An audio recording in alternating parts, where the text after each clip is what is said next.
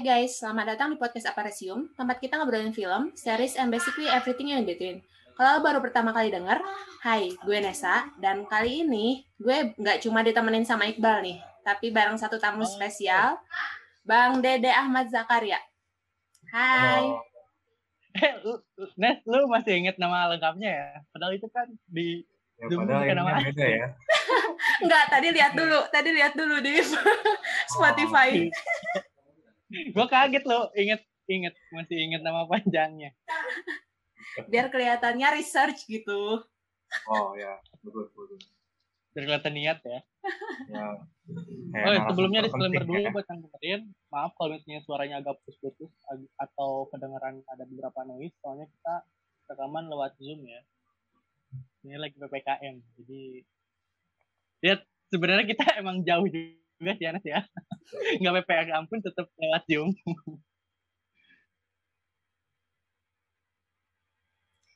Oke. Gimana nih? Ya, gimana kuliah hari ini?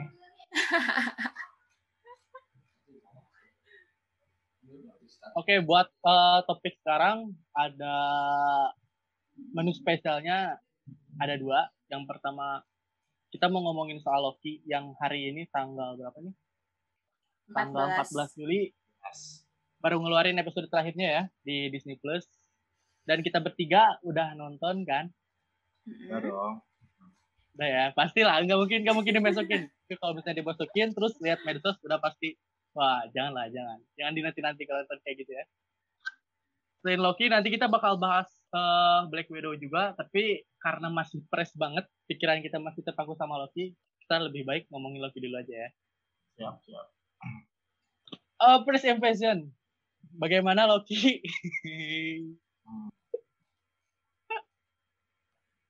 Ngomong nanya ke siapa nih? Ke mana Siapa dulu? dulu? Bang? Dede lah, Bang Dede, gimana Eh, first impressionnya dulu soal Loki itu kayak gimana? Quest-nya sebenarnya menarik ya. Maksudnya ini kan tentang membuka hal baru gitu di Marvel Universe ini. Tentang multiverse kan gitu. Sesuatu yang sebelumnya belum pernah gitu kan. Jadi cukup ya cukup ditunggu lah pada saat itu tuh. Kalau menurut saya. Oke, itu impression dari Bang Dede ya. Kalau dari Unes, impression setelah nonton episode yang terakhir dari series Loki ini kayak gimana? Dari se- series terakhir. Ya, Episode enggak, terakhir maksudnya? Episode terakhir. Episode terakhir. Sorry, sorry, sorry. Kalau dari episode terakhir, gue tuh mixed feeling gitu sebenarnya. Eh, kalau dari dari tiga seri sebelumnya kan ya Wanda atau Captain America Winter Soldier sama Loki tuh gue suka sama Loki paling suka sama Loki. Tapi begitu ngelihat episode terakhirnya hmm, eks- gimana ya penilaian gue langsung turun. Oh, Ah, episode terakhir malah bikin penilaian itu terhadap Loki ini turun. ya Ah. Oke, oke, oke, oke, oke. nanti gue jelasin Oke, oke. Tumen ya, biasanya gue yang bilang tapi kalau setelah nonton film. Tapi sekarang lu ya. Oke, gue penasaran nih. Tapinya itu kayak gimana? Kalau gue setelah nonton Loki episode terakhir ini, ngerasa kalau lima episode sebelumnya itu sia-sia. ya betul, betul. Ya betul. Bener ya? Sepakat ya? Oke. Loki ini khusus buat episode 6 aja gitu. Nanti penjelasannya kita bahas lebih jauhnya eh, di pembahasan soal ini. Oke, Nes. Silakan kembalikan mic- mic-nya.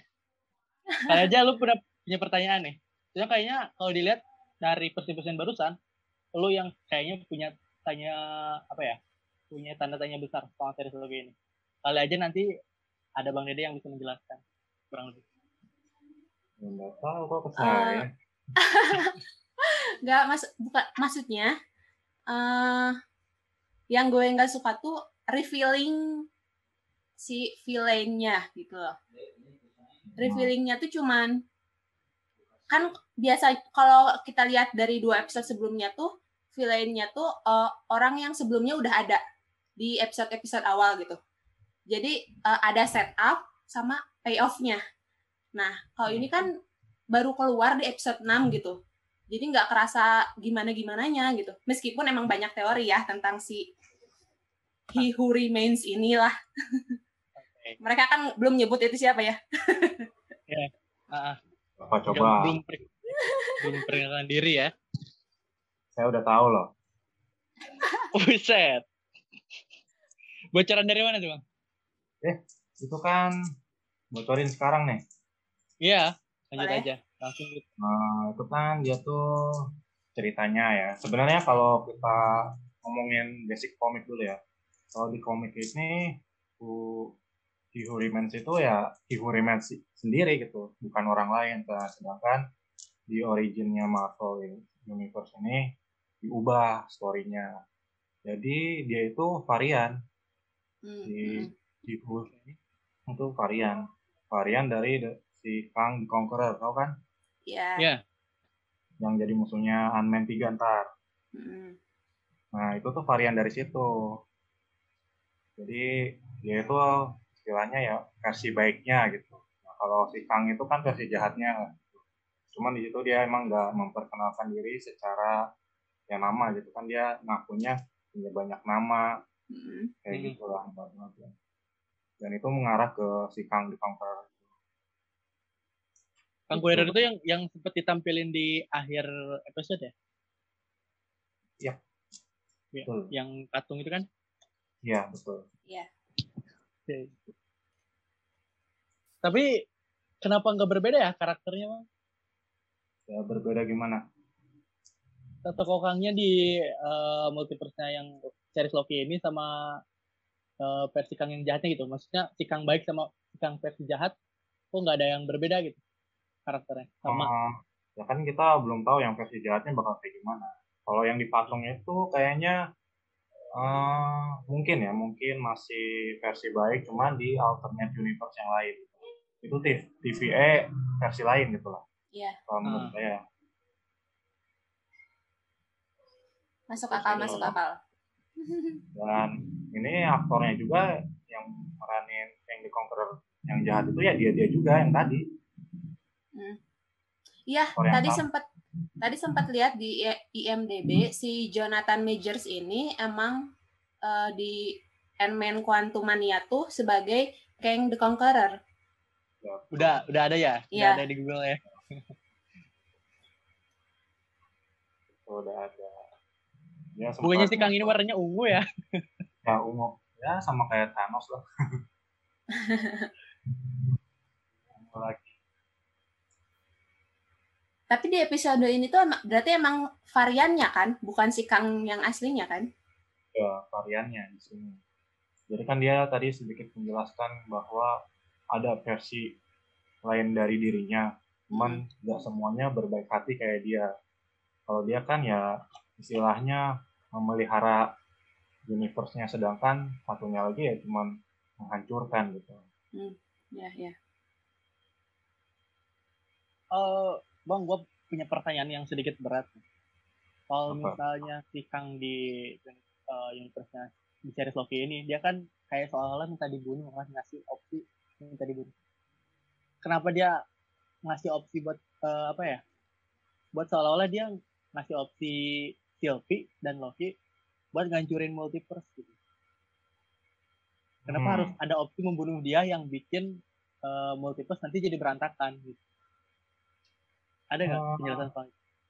apa ya agak pusing juga sebenarnya kalau ini kan udah di luar otak gitu ya pembahasannya mungkin ya karena ada semua ada resiko gitu kan kalau tadi Hmm. kan dia sempat nawarin sesuatu ya kalau membunuh saya silahkan gitu kan tapi Ya. ada resikonya multiverse bercabang multiverse perang gitu dan itu opsi yang harus dipilih Sylvie ya, karena Sylvie kan dia cuman sekedar emosi sih kan gitu Iya, saya jadi agak curiga juga loh ke Sylvie di sini tuh. Kenapa dia bersikukuh pengen membunuh si Kang versi baik ini? Gitu. kalau Ada motif nggak ya kira-kira di belakangnya? Eh, kalau saya sih nggak melihat motif motif apa ya yang terselubung gitu lah istilahnya ya ini Hmm. tuh pure kayak dendam aja ya kan Mm-mm. direnggut sama dari kecil gitu. Ya. Emang istilahnya dia kehidupannya direnggut sama si Kangkos supaya ini Yap. gitu. Iya. Nah. ya, sekedar dendam ya. Iya, kalau menurut gue juga gitu sih. Kayak si Sylvie itu kan kita lihat di episode berapa ya itu yang dia episode yang dia kecil tuh kan dia cenderung eh dia jadi hero kan. Nah, cenderung biasanya tuh eh, dia selalu melihat se- semua yang dia lihat tuh hitam atau putih. Kayak nggak ada daerah abu-abu gitu kan. Makanya dia tuh fokusnya buat ngebunuh gitu tanpa ngedengerin penjelasan yang belibet itu gitu. Makanya dia marah juga kan sama Loki yang tiba-tiba kayak ngebela si Kangnya. Terus ini Iya, juga ngingetin eh kayak ngasih sedikit petunjuk lah. Kalau Nexus eventnya si Sylvie itu bukan dia seba- terlahir sebagai perempuan, tapi karena dia bisa jadi jadi hero. Karena Doi kan pengen ya. pengen jadi Valkyrie kan, yang pas masih kecilnya itu. Ya dia bisa melenceng ke arah lain lah gitu Mm-mm. yang tidak seharusnya. Ini kalau misalnya bener-bener series Loki ini pembukanya pas keempat ya, mungkin nanti bakal ada meme lucu soal Sylvie ini yang sebenarnya pas keempat ini terjadi gara-gara Sylvie ngebunuh si Kang ya. Iya. Ini pasti pasti pasti rame nanti eh, meme-nya Sylvie ngebunuh si Kang. Pasti ini. Kayak kalau misalnya Sylvie nggak ngebunuh si Kang, pas keempat nggak bakal kejadian gitu. Pasti uh, nanti bakal kayak gitu. Ya, Ya dia yang Klasik memulai sih. lah. Heeh, klasik sih. Agak-agak agak konyol juga sih sebenarnya ya karena dia itu emang benar-benar dendam pribadi aja kan gitu. Dia bilang sendiri ya ini saya mengambil ini secara personal gitu. Iya, iya benar. Itulah eh, dendam pribadi merusak multiverse ya. Tapi Mungkin Eh, dia gimana bang? ah ya mungkin dia ini apa pikirnya dengan ngebunuh si itu tuh Ah, semua bakal bebas gitu apa mungkin mikirnya ke situ kali ya. oh iya. Padahal malah Sylvie juga sempat padahal bilang kan ya. Heeh. Nggak nggak Ya, percaya padahal- kan sama iya padahal ya, yang dia lakukan merusak. kepiting. Tapi dengan dia merusak eh, multiverse ini, mungkin impian-impian para Marvel di luar sana, penggemar Marvel, bisa kejadian. Termasuk Tiga Spider-Man. Ya itu, itu yang paling utama ya, Spider-Man. Iya, itu masih masih gua bahas tiap ngobrolin Superman pasti gua bahas. Sekarang kemarin kemarin mungkin kemarin segini nih. Oh, sekarang gede lagi. Kemungkinannya gede lagi sekarang. Malah- Kalau nggak salah si Tobey Maguire dan Andrew Garfield eh, ada yang apa ya jurnalis yang nanya gitu. Sekarang mereka nggak bilang enggak gitu. Kemungkinannya mereka ada di film sedikit. Jadi enggak kalau kemarin kemarin kan sempat mereka bilang enggak gitu nggak bakal terlibat. Tapi kalau sekarang mereka lebih cenderung nggak menjawab. Ya, paham lah sampai situ ya. Wah ya lumayan lah. nah, kalau di series Loki, dari tadi kayaknya kita ngomonginnya episode 6 terus ya. Sementara Loki ini kan ada total 1, 2, 3, 4, 5, 6 episode. Dari 1 sampai 5 nih, kalau gue sih nggak nemu yang menarik ya. Gue malah tadi sempat bilang kan, kalau gue cuman fokusnya kayak series Loki ini ada di satu series, satu episode aja gitu, episode 6. 1 sampai 5 kayaknya lupa deh ada apa aja.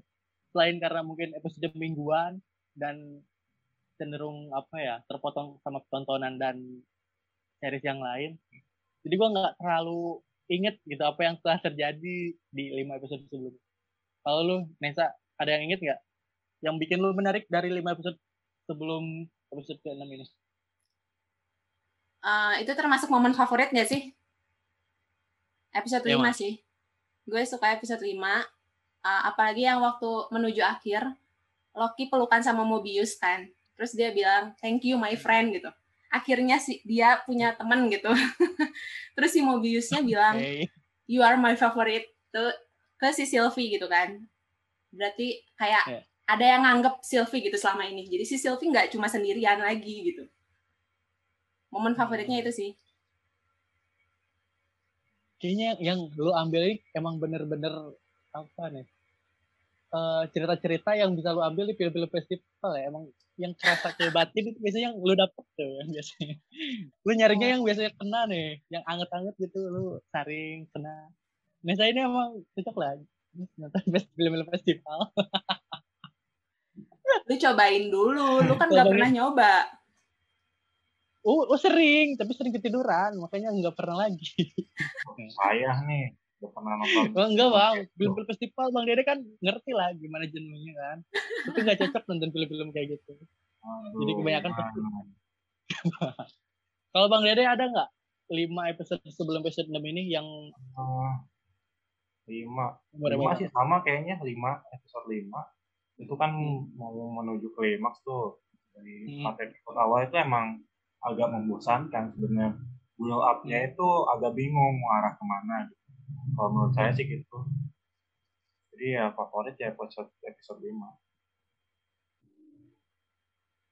Apalagi kita ketemu banyak varian Loki ya. Iya lah. Aligator terbaik. Itu ada ada kemungkinan spin off-nya nggak ya? Uni eh, multiverse-nya hewan-hewan kayak gitu. Spiderman kan sempat ada di Spider yang Spiderman ini bentuknya Oh, spider ini ada apa? Loki Mm. babi-babi. Yang babi. Nah, sekarang ada Loki versi buaya. Kenapa Baik. buaya diidentikan dengan orang-orang yang suka berbohong ya? Saya nggak ngerasa sih. Oh, siap, siap. Mentang-mentang lagi di rumah itu ya, jadi nggak merasa ya. Iya, iya dong. Cari aman. Siap, Bang. Saya Oh. ngerti, Bang. Udahlah, udah, udah. Ganti-ganti. Oke, oke, oke. Oh ya, selain karena variannya banyak ini juga sih di episode 5 tuh Easter egg-nya banyak. Hmm, ya. Gimana, Bang? Boleh diulang? Barusan taruh itu suaranya. Ya banyak banyak Easter egg, clue-clue dari reference komik dan film-film lain. Helikopter Thanos. Ya, Thanos, Thanos Copter, Sanctumnya Doctor Strange, Harry Carrier-nya Shield, terus Trog, Trog, tau gak Trog? Thor yang versi katak. katak ya, ya. Yang Ya. dalam tanah tuh. Yang katanya itu bisnis suaranya Thor. Iya, betul. Meskipun cuma teriak doang ya. Iya. Nah itu kalau ada spin off-nya tuh jadi bisa Pet Avenger itu. Oh ya. Iya, Avenger versi binatang kan ada tuh. Mungkin kalau misalnya komiknya dibikin juga pun ada? pasti versi Ada Pet Avengers namanya. Oke. Dan salah Mungkin kalau dibuat itu itu yang lebih seru. lebih cocoknya jadi animasi ya. Iya, seru itu pasti buat. ya, Gue nggak kebayang aja waktu mau lah. ceritain apa. Eh, Bang Dede kan tadi sama Nesa eh, episode favoritnya itu kan episode 5 ya. Duanya. Nah, episode 5 ini kita tahu pas menuju ending itu Sylvie sama Loki eh, setelah melawan apa tuh yang makhluk itu ya. Ya. Mereka kan nemu kastil gitu. Ya apalah kingdom gitu kerajaan. Nebaknya kalian apakah udah tahu di dalam situ ada Kang atau sempet kalian berteori ada tokoh yang lain nggak? Mephisto apa atau siapa gitu? Kalau saya sih Apa udah nebak ya? aktornya si Kang itu kan katanya mau ma mau dirumorkan main di situ kan katanya tapi bukan bukan jadi Kang the Conqueror-nya. Tapi Hmm. saya curiga dia bakal tetap ada gitu. Cuman nggak tahu karakter apanya. Hmm. Kayak gitu sih. Oh, jadi udah sempet nebak bahan nebak Kang yang Wah, karena si ya? aktornya gitu bukan karakter yang dia mainkan gitu. Heeh. Nggak tahu karakter emang. Kalau ini nyerahnya siapa? Enggak sih, gue Loki nggak ngira. sendiri. Kaliannya. Gue nggak ngira Kang soalnya. Ah, Tadi kan yang gue udah bilang dari awal kan, yang dari dua seri sebelumnya tuh villainnya tuh selalu ada orang eh selalu muncul di episode sebelumnya kan. Sementara ini eh, ini Hmm. tuh belum ada gitu, belum ada tanda-tanda si Kang tuh dari episode 1 sampai 5. Makanya gue mikirnya justru eh, bisa jadi Ravonna at- versi lain ya, Ravona varian Ravona atau superior Loki lah. Soalnya ya gitu. Jadi nggak nggak nggak mikir ke si Kang awalnya. Tapi ini kalau gue boleh gue nanya. Uh, kalau di WandaVision dan Falcon itu kan karakter development villainnya jelas ya. Hmm. kalau di sini kan si Kang sebagai kalau menurut lo sebagai villain di sini itu di nggak ada pengenalan sama sekali kan? Iya nah pertanyaannya bener nggak sih si Kang ini di sini sebagai villain? Dia kan diceritain di sini sebagai Kang yang baik. Tapi kan dia dibalik nah, dibalik TVA kalau uh, di mata si Loki di mata Sylvie dia villain. Oke. Okay. ya betul. Dari kan kita ngelihatnya secara perspektif ya. Kalau perspektifnya Sylvie ya jelas dia penjahat kan gitu. Hmm. udah yeah. masa kecilnya bla bla bla lah. Kalau hmm. Dari perspektif kita yang nonton ya dia emang biasa aja gitu. Ujuk-ujuk iya. muncul yeah. aja ya, ya jadi wajar kalau nggak ada kesan kok gitu doang kan? Gitu kan mm wajar mungkin cocoknya series Loki ini pilihnya benar-benar sedang ya. Tapi kalau pilih dari pas tempat mungkin Sylvie ya. Mungkin mungkin. Lebih tepatnya kayak gitu ya ya kan dia bisa juga jadi superior Loki kan bisa aja bisa aja kan ya iya yep. benar kemungkinan Makanya kenapa ada season 2. Ya, betul. Betul. Tokoh dari series Loki um, yang kira-kira menarik buat dikembangin buat bisa muncul uh, di proyek-proyek Marvel selanjutnya. Kira-kira siapa? Alligator Loki lah. Kan. Cepet banget lagi lo. Kenapa alligator? Ini kan gak bisa bicara. Nanti di PHP nangis. oh itu kayak mantan-mantan gue gitu kan. Hei.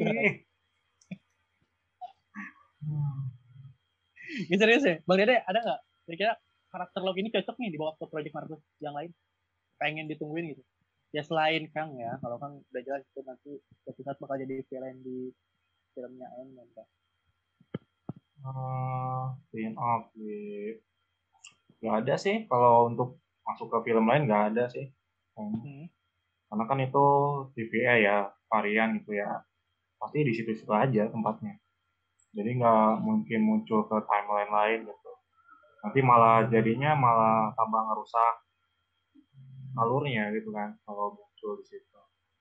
Iya jadi karakter-karakter yang udah ada di series Love di season 1 ini cukup lah mereka nanti cukup hanya ada di season 2 nya aja ya jangan kecampur yeah. sama lain main di tempatnya sendiri lah gitu.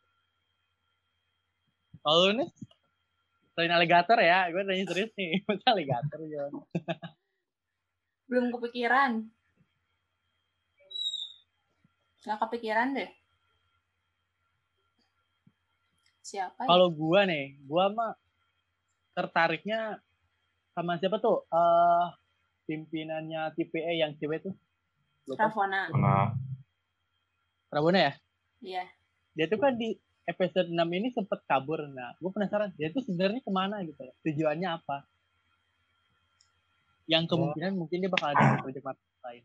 Di season 2 sih dia keluar pasti. Oke. Okay. Eh, pasti.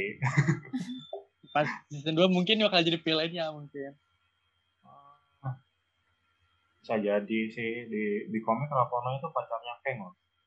Pacarnya? Pacarnya Keng. Ya. Wow. Oke. Okay.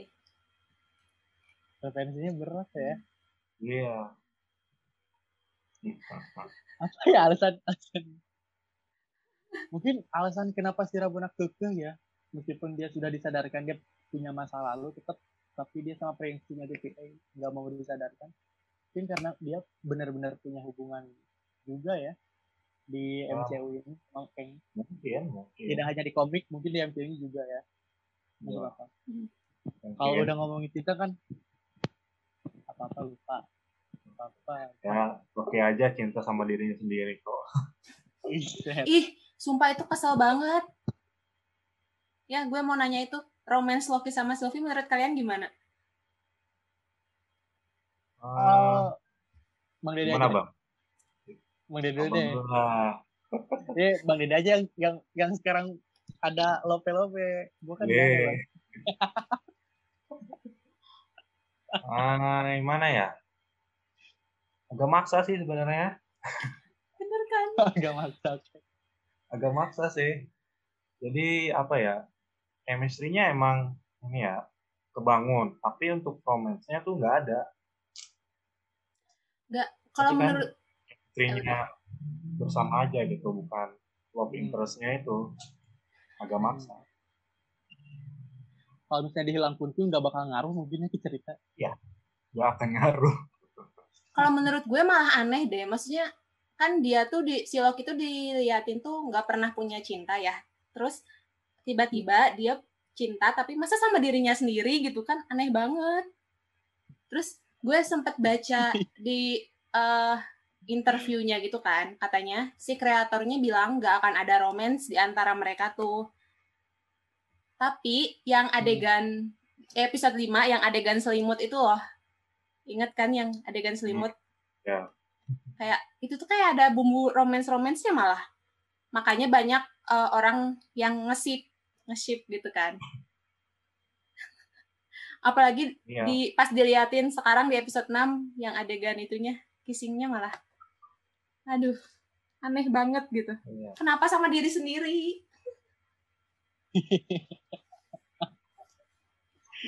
dan yang aneh tuh orang yang nge-ship mereka gitu Jelas emang itu orangnya. Nge-ship nge-ship sama diri sendiri. Mungkin mungkin di Loki ini eh, udah nggak percaya sama orang. Positif thinking. no Dia percaya sama diri sendiri. Gitu. itu tuh kayak Mungkin Self- filosofi kayak self incest gitu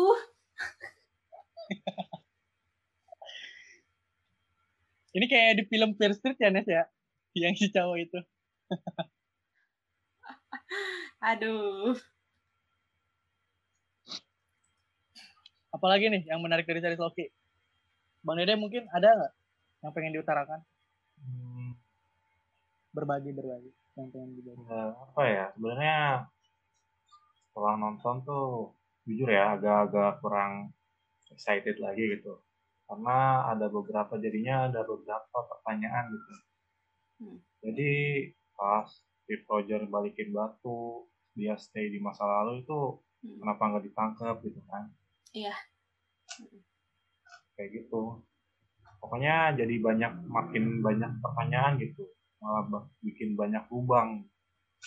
Iya. Dan ternyata di satu season ini nggak dijelaskan. Dan kemungkinan season 2 pun pasti fokusnya ke si Kangnya dong. Iya. Karena Loki-nya udah tahu kan, udah tahu di balik dirinya itu siapa. Hmm. Dia cuma perlu meyakinkan Mobius yang nggak kenal dia lagi gitu kan. Hmm. Kayak gitu sih.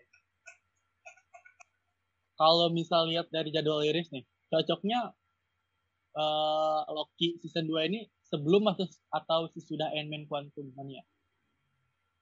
Eh, harusnya Belum sih. Kalau menurut ya. tergantung, tergantung planning sih. Kalau Loki masih di, di planning untuk jangka panjang, sebelum sesudah tuh masuk masuk aja sebenarnya.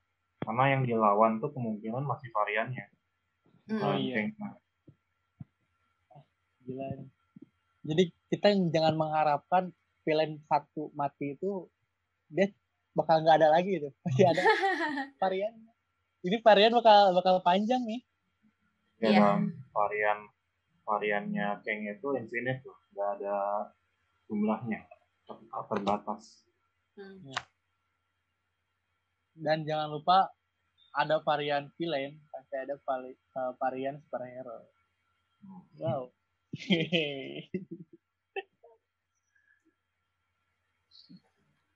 um, ada lagi nggak nih yang mau ngomongin soal Loki nih?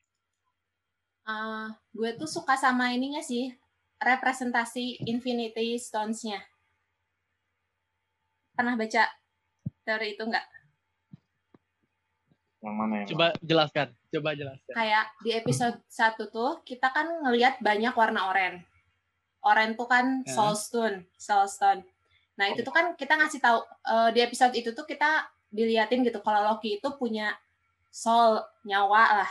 Dia itu bukan mesin gitu. Dia nggak sejahat orang yang lain orang lain kira gitu. Terus di episode 2 kita lihat merah kan, banyak warna merah. Berarti representasi reality stone. Berarti di situ Lo- di situ tuh Loki eh, kayak bertanya-tanya nih, yang asli itu apa? Terus siapa yang asli? Makanya muncul si Sylvie. Terus Hmm. episode 3 kita lihat warna ungu, Power Stone kan. Kita lihat kekuatan Sylvie sama Loki itu kayak gimana gitu. Eh, mereka tuh is- kuat lah istilahnya kan. Terus episode 4 kita lihat kuning banyak warna kuning sama emas. Itu Mind Stone kan. Kayak eh, di situ tuh Loki bisa mengubah pola pikir Mobius tentang si TVA. Eh, di episode 5 kita lihat banyak warna hijau, Time Stone kan. Kita juga bisa lihat eh, banyak varian Loki kan. Terus eh, mereka juga ngomongin banyak waktu. Nah, yang terakhir kan kita ngomongin eh, warna biru, Space Stone kan. Itu ngomongin portal sama time travel. Ya, ini ngebuktiin multiverse lah. Berarti teori Oke. tentang Infinity Stones ini tuh bener. Masuk akal gitu. cukup masuk akal sih sebenarnya emang udah nggak ada hubungannya sama batu ya cukup masuk akal Jeli, jeli juga ya. Lihat di TikTok. Gue mana-mana. Oke. Ma- ma- Gak aneh berarti Gila, gila, gila. Bang Dede, ada nggak yang udah lagi soal Loki, Bang?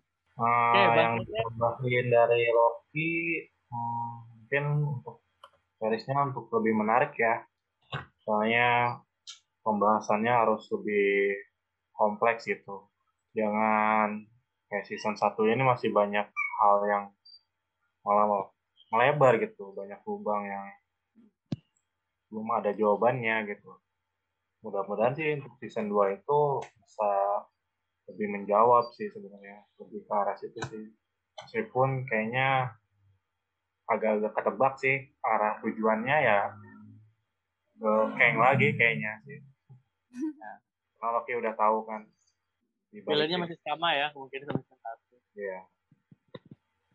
Cuma kita mengharapkan, kita tuh kan mengharapkan dengan adanya series tambahan dari Marvel di Disney Plus ini, menambah lubang-lubang yang ada di versi filmnya kan. nah Tapi kalau betul. nyatanya ternyata series yang ada di Disney Plus ini malah menambah lubangnya, kita penonton juga malah bikin bingung ya.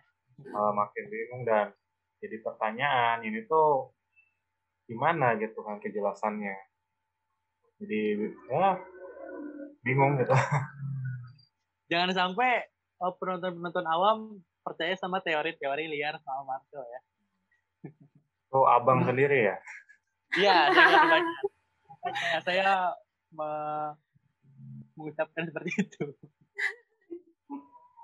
Oke, jadi eh, gitu aja ngomong eh, pembahasan kita soal ngomongin Loki ya. Loki. Intinya kita meskipun kita nggak terlalu excited sama season keduanya ya, nggak terlalu besar lah. Tapi kalau Iya. ada pasti kita tonton ya. Iya, Ah, pasti pasti. mau nggak mau.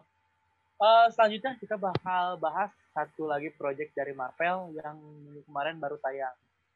Yang sayang banget di Indonesia baru tayangnya akhir bulan. Cuma kalau di Amerika sana udah tayang terbatas di Disney Plus, Hotstar Amerika dan bioskop yang kita. Ya, Kayaknya normal deh di Amerika bioskopnya. kita bakal ngomongin project eh, Marvel selanjutnya yaitu Black Widow. Udah pada nonton belum nih Black Widow? Ah, salah. Kalian nonton di mana? Oh, saya nonton di Disney Plus US pakai VPN Oke, bayar. siap.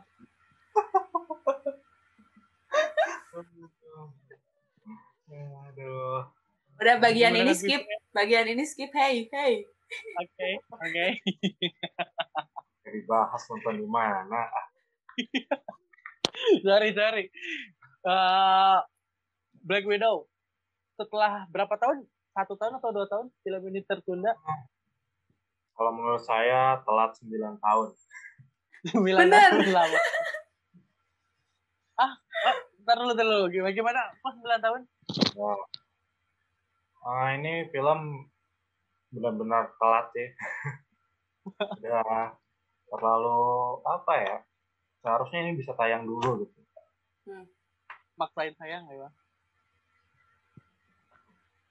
Ini kayak, kayaknya project eh, Black Widow kayak saking lamanya ditunda dan diundur, kayaknya kita juga mulai acuh nggak acuh ya film sama film ini. Ya, Mau mau rilis syukur ya, mau nggak rilis juga ya udahlah gitu loh. ya udah kebanyakan delaynya jadi tayang nggak tayang tuh ya udah nggak kepikiran ya apa ya maksudnya udah jalan ceritanya udah nggak terlalu penting juga kan gitu. Cuman Hmm. yang penting cuman credit scenes-nya aja kan. Ya oke. Barusan Bang Deli langsung menyindir soal jalan ceritanya yang nggak terlalu penting. Kenapa Bang? Kok bisa seperti itu? Tuh. Apa dua jam apa apa saya tahu. dua jam itu benar-benar apa ya? Gak ada feel-nya kosong banget film kecuali chemistry-nya Natasha sama Yelena aja itu aja sih Jangan ngomong gitu bang, ya. Iqbal suka kat, soalnya bang. Hah? oh gitu dia juga ya? Kalau lihat dari tweetnya dia ngasih nilai 8 bang. Oh iya kemarin oh iya kemarin post nilai delapan Enggak, eh, kayaknya Black Widow ini membangun chemistry-nya si Yeleva ya? Yeleva kan? Bener namanya? Yelena Yelena, Yelena. Yelena. Oke, salah. Ini kayak yang membangun karakternya Yelena aja ya, bukan si Natasha Romanoff lagi yang di itu di sini yang dibangun. Hmm. Mungkin bener-bener kalau si Yelena ini diprioritaskan karena bakal jadi next-nya di Black Widow kan? iya betul Nantinya Natasha Romanoff. Mungkin kita Ya. lebih condongnya ngelihat ya udah film ini buat ngebangun karakternya si Yelena gitu. Kalau dibilang film ini perpisahan buat Natasha Romanoff, kita nggak dapet feel sedihnya sih. Enggak enggak ada Kalau Dan seolah ini tuh film ini tuh cuma fan service aja, bener-bener cuma fan service gitu. Soalnya betul eh, kayak film Marvel lain aja gitu, malah mirip banget sama eh, Captain Mar- America The Winter Soldiers ya. Mulai dari narasi cerita, tone sampai visualnya gitu. Padahal mereka tuh kan berusaha menghindari kritikan yang bilang kalau semua film eh, MCU tuh sama, tapi nyatanya emang sama gitu. ternyata membuat Hmm, tapi The Falcon The Winter Soldier itu terbaik Ya, ya makanya kata bener setuju sama Bang Dede itu eh, ini tuh telatnya tuh kalau ini masuknya ke fase 2 ini masih bisa oke gitu. Tapi kan ini masuknya ke fase fase berapa sih ini? 4 masuknya kan. Jadi tiga itu masuknya masih tiga ya. Ya, biasa maksudnya- aja gitu. iya benar. Entah karena itu udah terlalu lama di delay ya filmnya entah karena ya nggak tahu. Filmnya kosong aja gitu pas pas nonton tuh ya biasa aja. Saya apakah men- akan menjadi buzzer nah makanya nonton film festival bang. Enggak, enggak, enggak, enggak, enggak bisa. Itu kita barusan ngomongin di luar filmnya ya. Kalau dari cerita filmnya sendiri, apakah benar-benar kosong, Bang? Ada nggak yang bisa diambil dari dari cerita Hmm. yang ada di film cerita apa ya nemuin Yelena biasa aja Oke, pas masuk red room biasa aja oke. Pelayannya niat plot twist zong apa yang harus saya Saya harus mengoreksi skor ceritanya. saya di tweet Twitter ya. Ya nggak apa-apa kalau lu suka, Bang. Nggak, Kan opini beda ya pendapat orang. Nah, kita tentang Gue sih ngelihat berbeda. kenapa kenapa gue ngasih nilai lumayan. Karena gue ngelihatnya film ini film solo aja gitu, film sendiri. Nggak gue gabung-gabung sama film Marvel yang lain. Ya kalau dari waktu pengambilan pengambilan waktu dari apa ya karakter Natasha ini kan dia mepet banget ya. Sebelum dia ke penjara itu kan, sebelum ngejemput para penjara yang lain kan. Iya. Kayak seolah-olah waktu di film Black Widow ini terlalu dipaksain buat ada gitu, buat ngebangun. Sebenarnya bagus buat ngebangun chemistry keluarganya Natasha sebelum dia di Avenger, cuman kayak terlalu dipaksain aja ada di situ. Ya, emang maksa sih. Makanya kan saya bilang ini film telat 9 tahun. Iya bener ya. Track record dari uh, sutradaranya juga uh, ya lihat nggak terlalu apa ya menjanjikan juga. Dia sebelum garap Black Widow kayaknya garap film-film pas dia. Kayaknya nggak ada yang family dulu. Mungkin dari situ juga berpengaruh ya. Ya, makanya ini benar kata Nesha ya ini nggak lebih dari sekedar fan service hmm. udah itu aja nyari penghasilan lebih ya betul ya sekarang udah balik modal tuh dis. Terus ini tuh kayaknya booming tuh karena si netnya mati aja di Infinity War gitu. Makanya orang-orang penasaran sama backstory-nya dia kan. Tapi pas muncul tuh malah jadinya ya gini gitu nggak sedih. Iya benar. Mungkin ini bisa tayangnya setelah Civil War itu lebih masuk akal. Nah, iya, benar. Jadi kan setelah Civil War, solo Black Widow, mungkin hmm, sedikit flashback, terus ngomongin masa depan sebelum Infinity War, itu lebih masuk akal, lebih nyambung gitu. Yeah. Kalau dibandingkan, ini tayang jauh setelah Endgame malah kan. Hmm. Gitu. Malah jadi ya kayak gini aja gitu biasa aja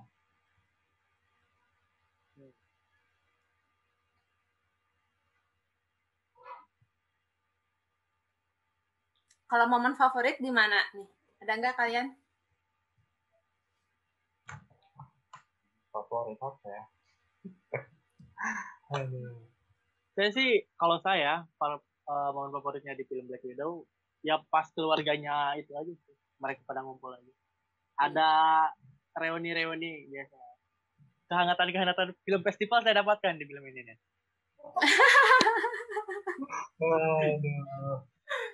itu lumayan lumayan itu juga sih. Terus saya sebenarnya mengharapkan lebih dari film uh, Sang Masker ya.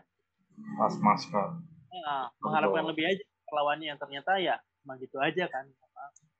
Filmnya padahal bagus loh, jurusnya bisa meniru uh, bertempur orang-orang yang dilihat tapi hanya dibuat segitu aja karakternya cuma satu dimensi malah dia nggak ngomong sama sekali padahal di trailer bagus ya dia mengintimidasi mm -hmm. kan keren. Tapi filmnya aduh apa ini?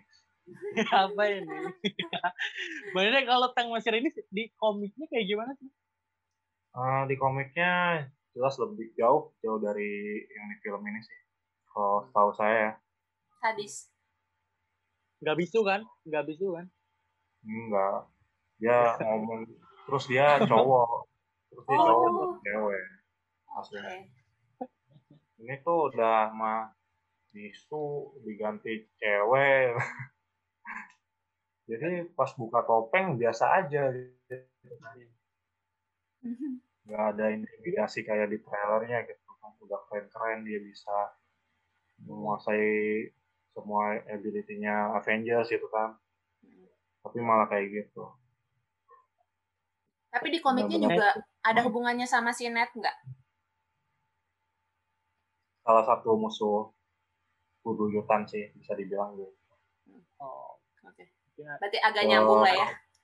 Nah, ada, ada, ada ya?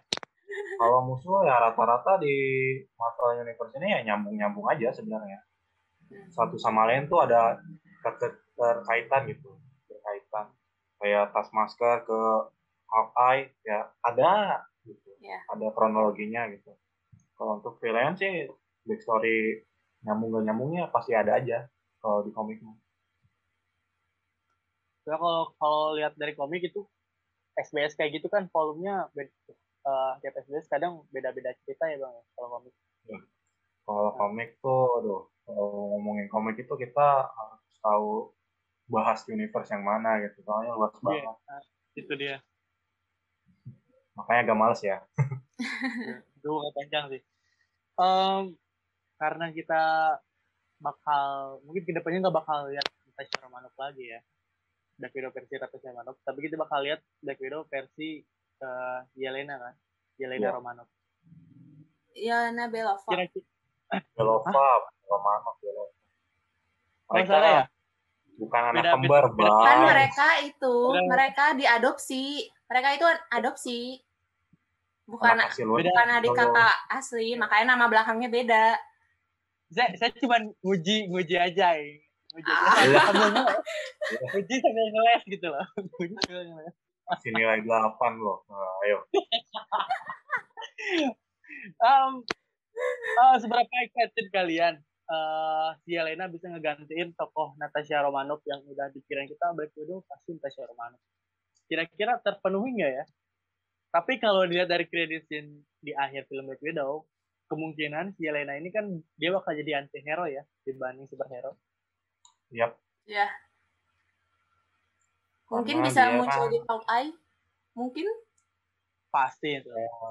Pasti sih, soalnya ada ke arah situ. Soalnya dia kan dia ngincar si Clint Barton.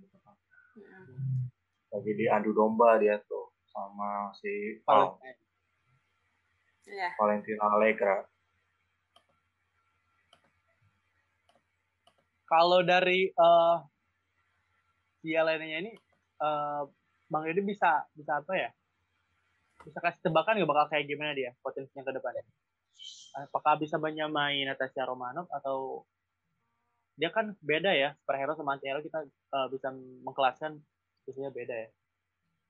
Eh, kita nggak bisa expect dia menyamai Natasha atau enggak sih. Saya nggak nggak expect ke situ. Saya pengennya Yelena tuh mengeksplor dirinya sendiri gitu. Hmm. Untuk berkembang terus-terus. gitu. Kalau membandingkan itu ya jadinya malah perdebatan gitu kan kita membandingkan oh lebih bagus si ini nih masih Hmm. jauh dari Natasha tuh kalau saya nggak mau kayak gitu jadi kalau saya pengen dia fokus mengeksplor dirinya sendiri gitu Hmm. Berarti menjadikan dia sebagai anti hero itu udah cocok ya bang, gitu. Udah menjadikan dia sebagai superhero gantinya Natasha. ya ya gimana cerita aja nanti lah gitu Oke, kita nikmati ya. Jangan berteori. Jangan jangan mulai-mulai berteori. ah ya nggak masalah sebenarnya cuman kan yang namanya cerita kan ada perputarannya gitu Iya. dia baik dia jahat kan. Bisa muter-muter tahu sendiri kalau Marvel ini ubah karakter. Ya kayak kemarin lah pas maskernya ujuk-ujuk jadi baik kan. Aneh. Makanya saya bilang ya ini apa gitu? Dari sisi pilihan aja tidak menarik. Menarik di trailer tapi pas nonton apa sih ini tuh? Ya, bingung. Ini film tuh ke arah mana gitu. Heeh. Gak ada tujuannya aja malah jadi antek gitu kan Padahal kalau pengen liatin scene doang di YouTube Marvelnya aja ya, nggak usah bikin film gitu. Iya, betul betul Eh, enggak lah. Kalau misalnya tayang di YouTube itu penghasilannya kecil, editannya kecil. Pasti bikin film. Hmm, Penghasilannya gede. Meskipun beberapa negara nggak bisa ditayangin, tapi tetap penghasilan Marvel pasti gede. Betul betul Lu punya catatan nih soal film Black Widow? Nyatet apa lo? Udah dibahas semua. Soalnya kan emang gue nggak terlalu suka juga sih. Mau sedikit? Mau sedikit itu aja nambahin yang momen yang lucu aja nih. Waktu si Yelena ngikutin superhero landingnya si Ned. iya. superhero landing. ya Dia, plus- dia bilangnya apa sih? Bilangnya apa ya? Such a poser. Model ya? Model ya? Hmm. Tuh, uh, udah bakal ketebak. Gue tadinya ngirain dia pakai pose itu pas uh, berantem sama Sting Monster. Ternyata nggak ada kesempatan ditunjukin di situ ya. Malah di lorong-lorongnya. Kayaknya ini momen bakal jadi momen epic kalau misalnya diliatin pas dia lagi berantem. Ternyata pas keluar dari uh, atap doang. jadi kurang aja gitu. Soalnya bakalan lucu kan.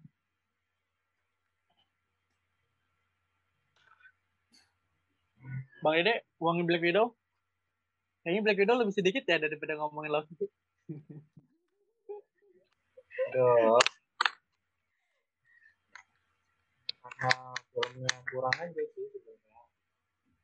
Bagusnya ini kita bisa mengekspos karakternya Helena karena anaknya ya lumayan lah lumayan lah. Natasha-nya untuk jadi film Natasha itu ini enggak banget. Nggak ada ke arah situ. Jadi kurang aja. Kalau ngomongin lawannya ya udah jelas lah. Nggak perlu diomongin lagi. Itu hampir 100% fans Marvel itu nggak suka sama Cap Masker ini. Alasannya apa sih bang? ya karena apa ya? 180 derajat dari trailer loh gitu. Di trailer kan mengintimidasi kesannya keren gitu kan bisa semua jurus. Tapi di filmnya ini ya kayak gini gitu kan. Biasa aja. Meh banget Oh, orang-orang yang udah ngikutin apalagi komiknya ya. Iya Kenal tuh atau banget bakalan apalagi ini kan udah mah karakternya diubah jadi cewek kan jadi aneh sebenarnya nggak masalah kalau ceritanya keren Kalau Red juga ya Marvel yang gagal. Enggak sih, gagal. Gua- Kenapa nih? kalau soal si Red Guardian gimana bang? Emang di Oh, novel eh Red di komiknya emang jadi karakter lucu-lucu gitu.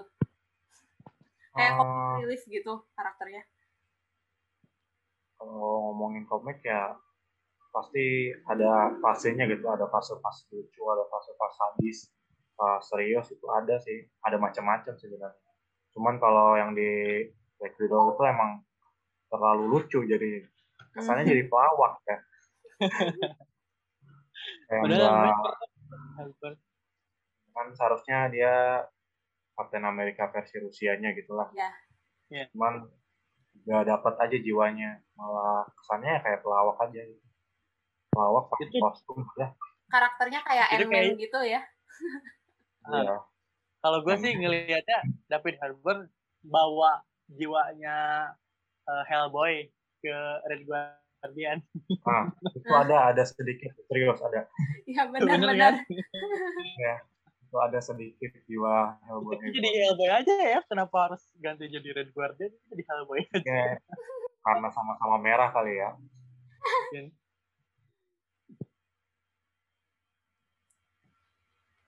Ada lagi nih?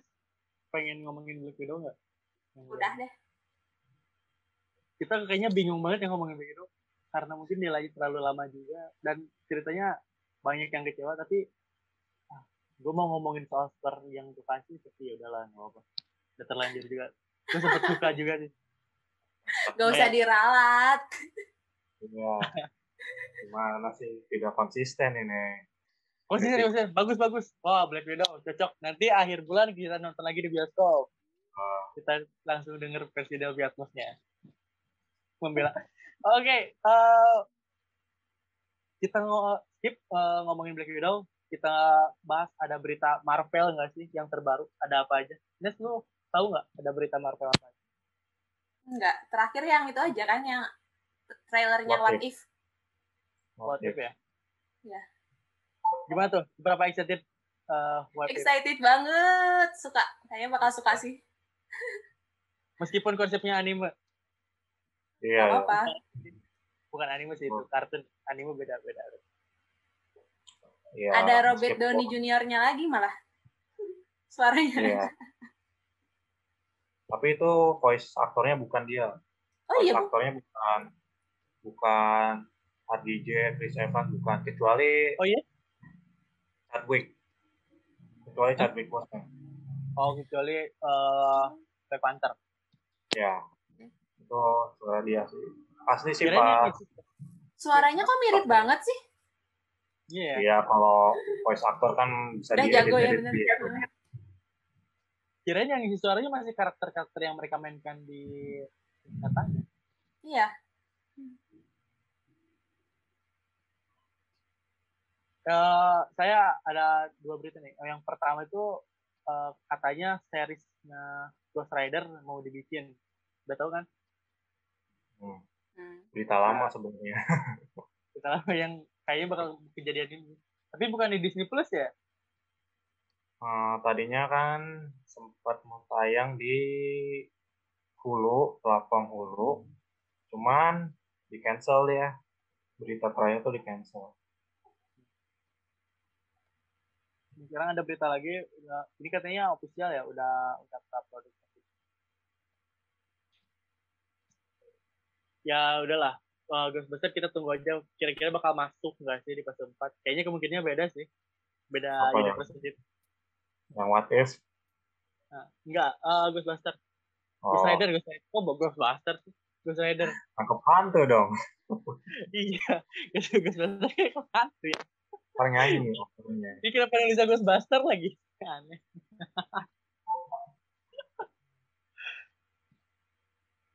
yang yang kedua yang pengen saya tanyakan bang uh, setelah series Loki ini kan multiverse jadi cabang itu kan ada kemungkinan-kemungkinan banyak lah. Nah ini kan di next next projectnya Marvel yang paling dekat kan What If. Kalau ini kita bisa memindahkan mereka ke dunia nyatanya lah dunia nyatanya Marvel karena waktu ini konsepnya kan kartun ya. Nah yang paling dekat selanjutnya itu kan ada Shang-Chi. Film uh, di series Loki kan udah dilihatin multiverse-nya bercabang kebuka. Nah Shang-Chi ini kemungkinan dia yang paling dekat terkena efek dari efek langsung dari uh, terbukanya multiverse gitu kan. Kalau dilihat dari trailer Shang-Chi kelihatan nggak bang? Ada yang berbeda atau ada yang aneh? Kayaknya itu sebelum sebelum ya sebelum multiverse kayaknya. Hmm. uh, saya lihat sih bahkan bisa aja itu sebelum Infinity War. Hmm. tapi kalau ngelihat dari desain kotanya itu agak modern bisa jadi setelah Endgame bisa. Pokoknya sebelum multiverse sih kalau menurut saya. Sebelum kejadian Loki ini ya. Ya. Soalnya nggak kalau dilihat di trailer nggak ada kemungkinan banyak yang aneh-aneh gitulah ya. Nggak ada. Mungkin Sanji dan Eternal itu masih sebelum multiverse berantakan ya. Kalau Eternal kan jelas. ya. Dari berabad-abad lalu. nah, kalau di Spider-Man No Way Home, kita bisa berharap memang ya. Multiverse sudah berantakan ya di sini kita ber berpikirnya bisa udah berantakan lah ya. Udah lah. Oh, bisa jadi, bisa jadi. Kayaknya pengen banget tiga Spider-Man ada ya ya biar meme yang sepeda pada nunjuk itu jadi kejadian lah oh bisa bisa iya kan pengen, biar biar kejadian tuh ya pengen munculin tiga Spiderman hanya untuk meme ya luar biasa ya. sekali anda ya betapa recehnya hidup saya ya sebenarnya nggak masalah sih cuman saya yang saya takutin itu untuk film Spider-Man itu durasinya berapa dulu nih durasi filmnya. Oh iya benar juga. Masalah screen time itu pasti penting banget. Kalau ini kan rumornya kan udah banyak ya musuhnya gitu. Iya. Yang saya khawatirkan itu ya soal screen time-nya cukup apa enggak gitu. Takutnya ada yang kurang malah jadi filmnya jadi jelek gitu. Ya, Satu ya, karakter screen time kurang aja. Itu udah jadinya rusak gitu dan kasihan juga Tom Hollandnya jadi nggak terekspos mungkin mereka cuma Dari... cameo oh aja sih cameo Bayar, aja. bayaran mereka terlalu mahal menjadikan cameo ya enggak juga. Uh, kasihan aja Tom kalau... Holland dari awal. Humor. Hmm? bukan dianya yang disorot tapi Spider-Man yang lain. Itu kan filmnya dia. Tapi kalau misalnya beneran ada tiga Spiderman di No Way Home itu mau durasinya empat jam gue tungguin bang ah, film solo kayaknya panjangan deh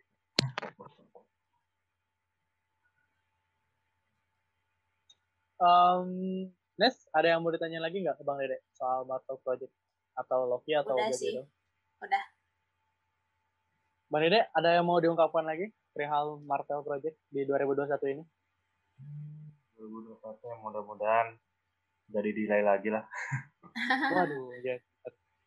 Amin. Yang penting uh, COVID-nya cepet hilang ya Iya. di Indonesia. yang ditunggu-tunggu itu sih udah gak usah delay-delay lagi lah Kayak kasusnya kayak Black Widow kita udah terlalu jenuh kan nunggu film Iya, nggak kan. jadi nunggu film nggak jadi jadi feelnya untuk nonton film tuh udah habis gitu kan ditambah nanti misal cerita jelek ya ya udah tambah gimana kita dapat bocoran project aja kan itu udah excited gitu tapi ya situasinya lagi kayak gini kan jadi menurunkan rasa excited kita gitu kan Hmm.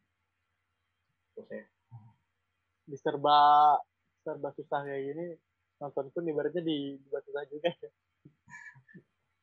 Dan ke bioskop juga kayaknya susah banget. Kemarin sempat sempat saya sih sempat bandel gitu, nyobain nonton. ya, nonton mulu ya Emang nggak ditutup di sana? Udah, Di udah. Terakhir kan gua yang ke Bandung, yang nonton Overplus. Oh. Mana jauh lagi. ya itulah, itu cukup. Yang penting jangan lupa vaksin ya. Udah vaksin kan? wah hari Jumat hari Jumat saya vaksin saya baru pertama. Ini saya udah dua kali. wah Saya udah, saya baru satu. Tapi efek efeknya kayaknya nggak ada nih. Alhamdulillah. Nggak ada bagus Bang Dede nanti- badannya Ya, sehat saya. Cuma nanti aja yang sakit. Oh, yaudah. oke udah, udah cukup deh buat episode sekarang. Oke, makasih ya Bang. ya Bang Dede, makasih udah mau gabung lagi. Eh, kita eh, ajak lagi nanti di mungkin yang paling dekat di eh, proyeknya What If ya. Kita undang lagi. Kalau nggak keberatan dan kalau Bang Dede waktunya eh, kosong. Ya jangan Bang lah. Oke. Siap. Thank you for listening. Gue Nesa pamit. Gue Iqbal juga pamit. Bye. Bye. Bye.